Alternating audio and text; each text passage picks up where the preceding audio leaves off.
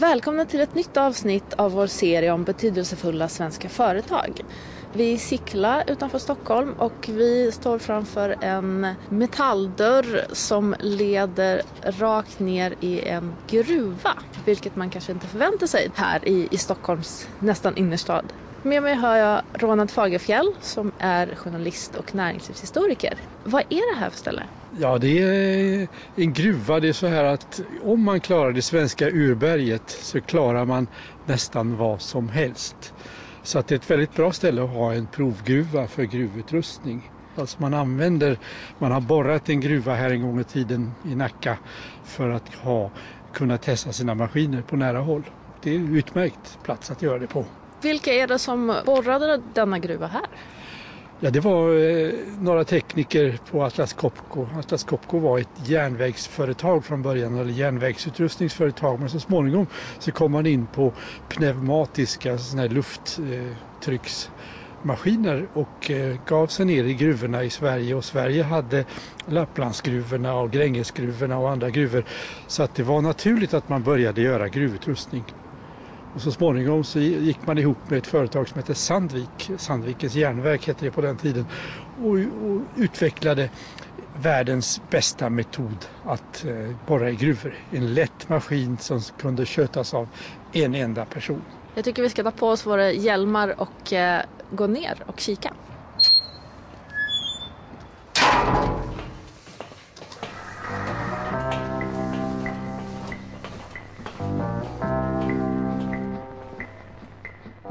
Bra verktyg är mer än halva jobbet. Ett riktigt konstruerat verktyg gör inte bara arbetet enklare. Det ger också en snabbare arbetsgång, en jämnare produktkvalitet, trivsammare arbetsmiljö och ökad lönsamhet. I det här programmet vill vi visa vad Atlas Copco tryckluftutrustningar uträttar inom industri och verkstäder. Nu är vi ändå ner i gruvan och det är verkligen en speciell miljö. Det är... Här, är ju, här är ju lite eh, utjämnat så man kan köra med maskiner och sådär. Man ser man har hållit på ett tag. Lite mossa. Jaha, just det. Det lite, växer lite saker också. Det är fuktigt, det droppar lite från taket också. Det blir det. Det är grundvattnet som sipprar ner här. Man måste pumpa gruvor, annars blir de vattenfyllda. Det var ju så att att Atlas eh, grundades inne i Stockholm från början men sen när man tog upp Rudolf Diesels uppfinning och började tillverka dieselmotorer lite efter 1900 så flyttade man ut till Sicklaområdet i Nacka där det växte upp ett stort industriområde.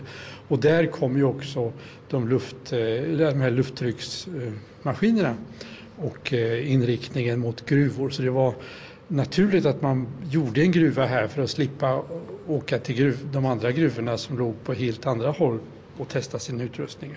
Och det, var ju, det låg ju uppe på graniten det här så det var ju lätt att borra sig ner och få eh, gruvliknande förhållanden. Det är ju ingen riktig gruva det här utan det är ju en slags låtsasgruva. Men Atlas etableras ju inne i stan. Det finns ju, Atlasområdet finns ju fortfarande kvar. Kan du berätta lite om uppstarten? Det var ju så att man bestämde sig på 1850-talet i Sverige att bygga järnväg. Och projektet kom igång ganska sent. Sverige var ingen tidig järnvägsbyggare. Och från början så var det så att alla länder i Europa och, och till och med USA importerade grejer från Storbritannien. Men eh, efterhand så började man bygga egna. Och Atlas var helt enkelt ett av väldigt många företag som började bygga för det här nya jättelika järnvägsprojektet i Sverige.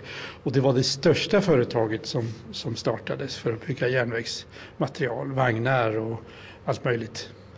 Det gick aldrig särskilt bra utan eh, man tillverkade en massa saker men man tjänade just inga pengar till en början. Och då bytte man riktning?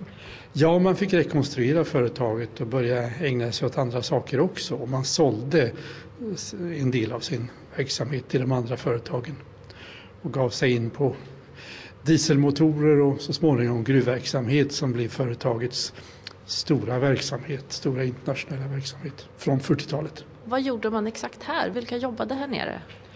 Nej, det var väl bara ett eh, ganska få eh, provare som var här nere och gjorde eh, olika saker med maskinerna. Man hade, nya, man hade utbildningar till exempel om man skulle börja och bli säljare eller reparatör eller vad man skulle bli så fick man väl köra maskiner här.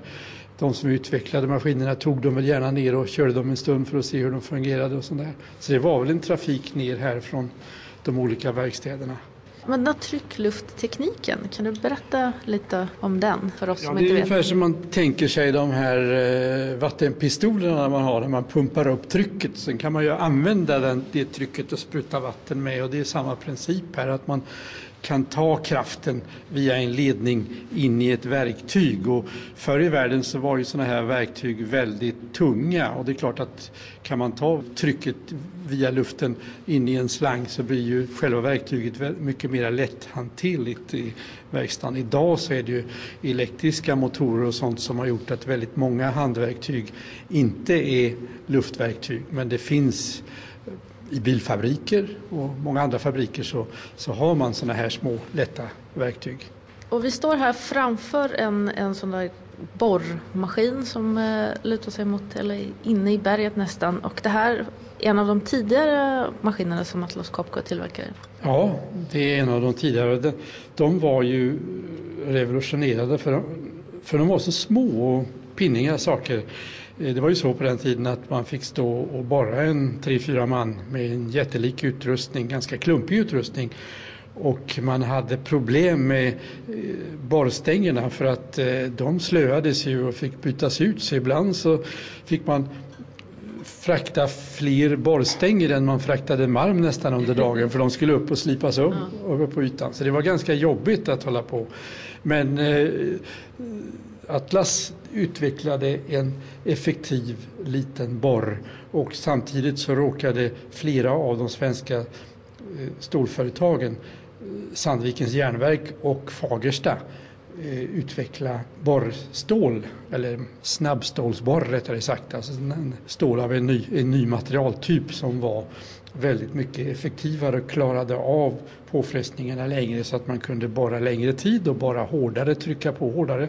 Mm. Och man samarbetade med avtal de här företagen och utvecklade bättre och bättre teknik och så småningom hoppade Fagersta av det här samarbetet så det blev Sandviken och eh, Atlas Copco, som, eller Atlas som det hette på den tiden, som samarbetade och utvecklade den svenska metoden och sålde den över hela världen.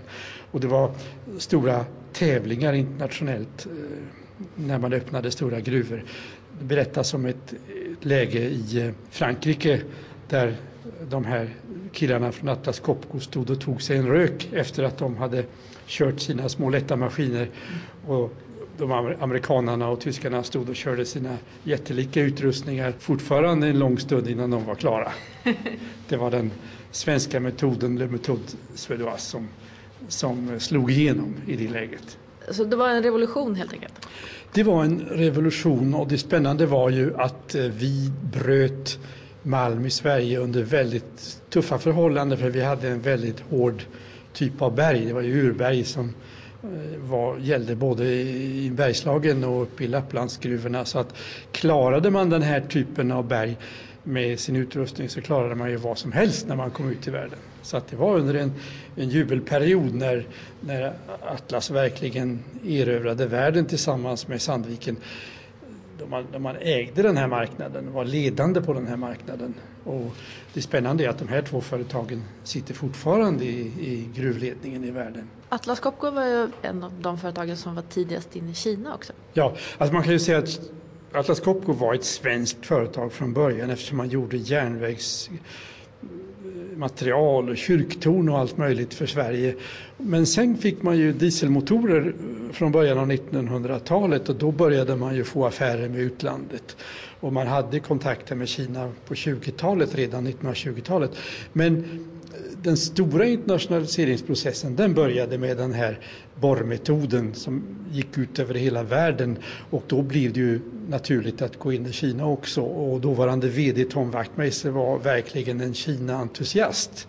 Så att man var ju ett av de första företagen överhuvudtaget. Man hade licenstillverkning i, i Kina på på eh, 1980-talet och sen på 1990-talet så etablerade man sig och idag så är det frågan om det finns något företag av de stora i världen som är, har en så stor del av sin koncernledning och sin verksamhet i Kina som just Atlas Copco. Jag menar då de företag som inte är kinesiska. Det är ganska kallt och mörkt i den här gruvan så jag tycker att vi tar oss upp och tittar omkring hur det ser ut ovan mark. Atlas Copco tryckluftdrivna skruvdragare uppfyller alla krav på ett modernt verktyg. Luftmotorn är hjärtat i en lång rad verktyg för bearbetning och montering. Och både motorer och verktyg kan med fördel byggas in i mera komplexa maskiner. Nu är vi eh, knatat upp och står här ovan, ovanför gruvan i Sickla köpkvarter som är alltså gamla Atlas Copco fabriksområde och framför oss har vi en väldigt pampigt hus står dieselverkstan i rött tegel med stora fönster. Vad är det här för hus? Ja, det är en sån här gammaldags vacker industribyggnad från början av 1900-talet. De byggde på mycket snyggare på den tiden tycker jag. Med eh, sådana här små rutor och eh, vackert målade fönster och, sådana här mönster av tegel. Här byggde man motorer och det var ganska avancerade motorer på den tiden. Uppfinnaren, den tyska uppfinnaren Rudolf Diesel gav ju namnet åt dieselmotorn. Och en av bröderna Wallenberg, den yngre på den tiden, Marcus Wallenberg hette han, det heter en, en av bröderna nu också. Men han träffade uppfinnaren i Tyskland och köpte rättigheten till att tillverka dieselmotorer. Och man byggde vid den här tiden i början av 1900-talet ganska allmänt eh, motorer till fartyg. Inte så stora motorer med, vår, med vårt mått mätt utan det var väl sådär en 20-25 hästkrafter ungefär som vi har i en lagom stor snurra idag. Men då var det väl starka motorer och sen blev de större och större de där motorerna. Alltså, Diesel är ju, eh, det är ju att man använder tjock olja istället för bensin. Och eh, det är en delvis annan teknik och man byggde så kallade tvåtaktsmotorer här. Men så småningom så blev det större och större motorer. Om man tittar på området nu här vi kollar oss runt omkring så är det ju köpkvarter med många butiker och restauranger och kaféer och eh, myllrande folkliv. Men hur såg det ut eh, här förut? Det här var ju, eh, jag råkade själv bo i Nacka för sådär en 40 år sedan och det här var ju en stor arbetsplats. Det var ganska många av mina grannar som jobbade på Atlas Copco på den tiden. Här låg ganska mycket av eh, Atlas Copcos tillverkning men det är klart under tiden som man, som man internationaliserade så började man ju lägga tillverkning närmare kunderna. Och eh, det var ju också så att Sverige, de svenska lönerna gick ju upp så man var ju tvungen att flytta ut en del av verksamheten för att få lönsamhet och för att kunna hävda sig i konkurrensen. Och det fanns till och med länder som krävde att man hade tillverkningen i landet för att man skulle få sälja. Idag är Atlas Copco ett väldigt litet företag i Sverige och ett ganska stort företag i hela världen. Jag tycker vi går in här i dieselverkstaden och tittar oss omkring. Ja, man ser inte mycket av eh, dieseltillverkningen här längre men fortfarande betonggolv och stora fönster men helt annan verksamhet här inne. Ja. Och här om man tittar på den här lilla utställ historiska utställningen över Atlas Copco och området här i Sickla så ser man den här klassiska bilden med hela personalen som sitter utanför här, den här dieselverkstaden. Ja, det är väl en 50 gubbar som sitter där och de har vegamössor och kubbar och en del av dem i blåställ och så sitter det tjänstemän framför och i mitten ser vi ju då chefkonstruktören själv, Jonas Hesselman. Han var en aktad eh, uppfinnare på den tiden hade utvecklat en tvåtaktsmotor. Men det är ju en väldigt klassisk bild. Sådana här bilder ser man ju väldigt många av de här stora industriföretagen i början av 1900-talet. Man var ju väldigt stolt över verksamheten på den här tiden. Det, var ju, det här var ju någon slags eh, motsvarade våra IT-företag idag. Små grupper som jobbade hårt och nära varandra och utvecklade spännande prylar.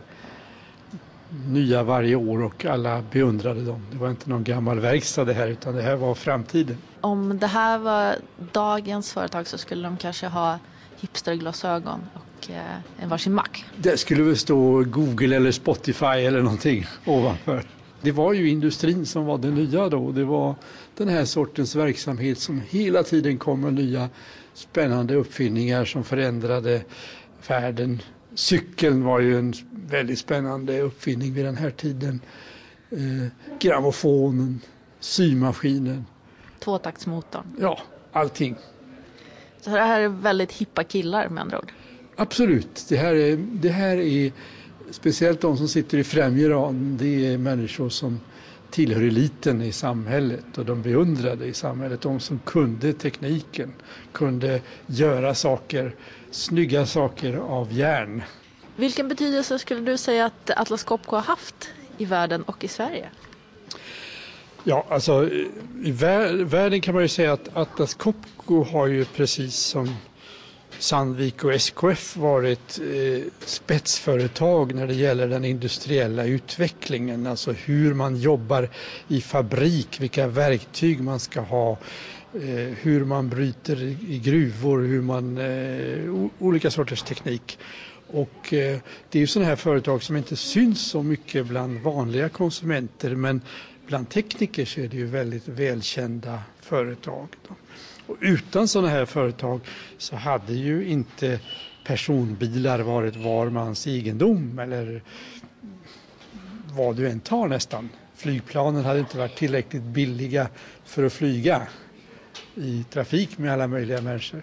Så det är en ständig rationalisering, en ständig effektivisering av tillverkningen som har skett i världen och ett antal svenska företag har varit med mitt in i den smitten. Då tackar jag dig, Ronald Fagerfjell, journalist och eh, näringslivshistoriker. Och jag, Rita Feldman, tackar för mig. Och vill du höra mer om svensk näringslivshistoria så finns det fler spännande poddradioprogram på www.näringslivshistoria.se. Vi hörs! Självklart är Atlas Copco mycket mer än tryckluft och verktyg. Och ni har alltid nära till oss och vår tryckluftteknik var ni än befinner er runt om i världen.